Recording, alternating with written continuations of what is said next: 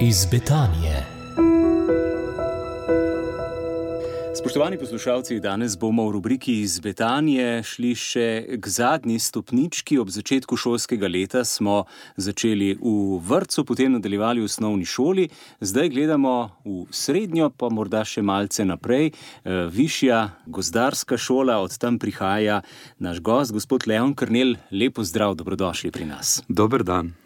Eh, vi ste že dolga leta učitelj v gozdarski, srednji gozdarski šoli, poučujete strokovne predmete. Kako čutite svoje poslanstvo, poslanstvo profesorja? E, zakaj ste se odločili za ta poklic? Če začneva čisto na začetku, se za ta poklic sploh nisem odločil. V osnovni šoli, ko smo delali teste za poklicno usmerjanje, je bilo eno izmed vprašanj tudi, če se ne bi v življenju želel delati. In to je bilo prav delo z ljudmi. Mrsikdo od nas se je upisal na gozdarstvo zato, da ne bi bilo treba delati z ljudmi, pa smo se fejst zmotili. Zaradi tega, ker gozdarstvo je pravzaprav nisem delo z gozdom, ampak tudi delo z ljudmi. Tako je počasi prišlo do tega, hkrati sem pa usporedno uh, delal še glasbo, najprej kot uh, samouk, ki ga je spodbudil domači župnik, potem pa sem se upisal na urglarsko šolo v drugo generacijo, ki je prihajala z cele Slovenije, in kasneje sem nadaljeval usporedni študij eh, ob ostalem še v Gracu in hkrati fakulteto gozdarsko v Ljubljani. Več zanima, ampak povsod neka povezava z delom, z ljudmi, delom zdaj tudi z učenci. Ste tudi predsednik območnega odbora Društva katoliških pedagogov.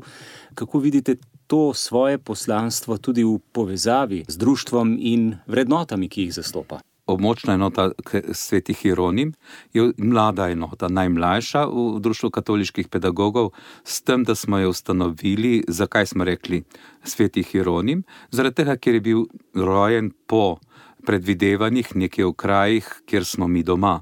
Hkrati pa je na primorskem samo še ena območna enota in to je Tolmin, in tako zastopamo praktično cel južni del primorske. Zakaj smo do tega prišli? Moja sestra je dosti hodila z eh, člani Društva katoliških pedagogov, ki so hodili po Jakobovi poti in tam so se spoznali, potem so. Nekako je rekla, zakaj pa ne bi to naredili, in smo naredili. Sveda, mene so izvolili za predsednika, zato ker sem se pustil, drugače bi bil primeren, kakšen drugi.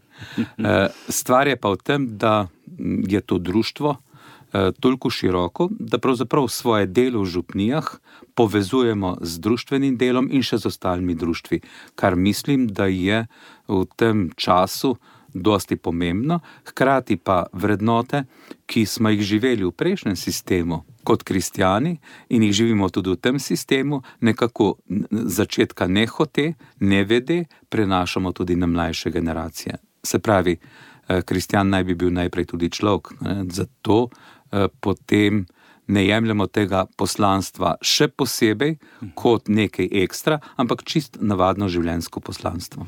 Kaj vam je, gospod Leon Krnil, najpomembnejše, ko stopite v razred k svojim dijakom? Vesel sem, da, da grem lahko še noter. so me vprašali, kako, zakaj še nisem v pokoju, zato ker neizmerno rad delam z mladimi. Zakaj? Eh, povem jim dosti krat, da učitelj sem postal zato, ker uh, ne vem vsega. In hkrati sem, so me oblikovali v tem preteklem času uh, veliki in izjemni pedagogi, ki so pravzaprav v meni odkrili nekatere stvari. Že v osnovni šoli so nas starši spodbujali, da pomagamo vsem tistem, ki jim gre težko, matematika in podobne zadeve. In tako smo se naučili razlagati tisto, kar je bilo čist uh, nam razumljivo, na način, ki je ostalim otrokom ni bil razumljiv. Se pravi, smo se mogli njim približati in tako počasi raste pedagoški poklic, ko drugim pomagaš.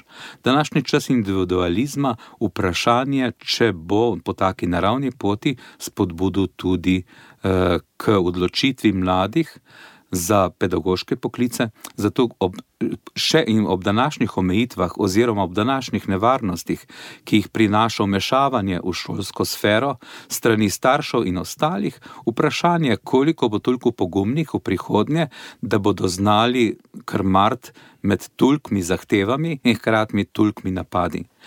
Eh, ko smo bili, eh, se pravi, v prejšnjem sistemu, kljub temu, da je bila vzgoja taka, kot je bila, se pravi, si še zmeraj imel dosti trdno stališče in tako naprej. Danes marsikateri pedagogi ne vejo, kako bi ravnali, da se komu ne bodo zamirili, da kaj narobe ne bodo naredili. Se pravi, pedagogika je pravzaprav izgubila eh, tisto veliko možnost, ko, ko mladim ponuja izzive in mladi te izzive z veseljem sprejmejo in naredijo.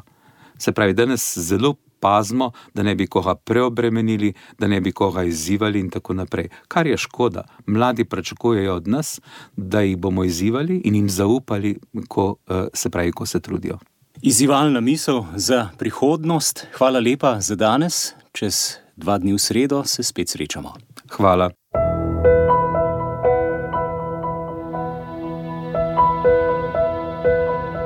Iz.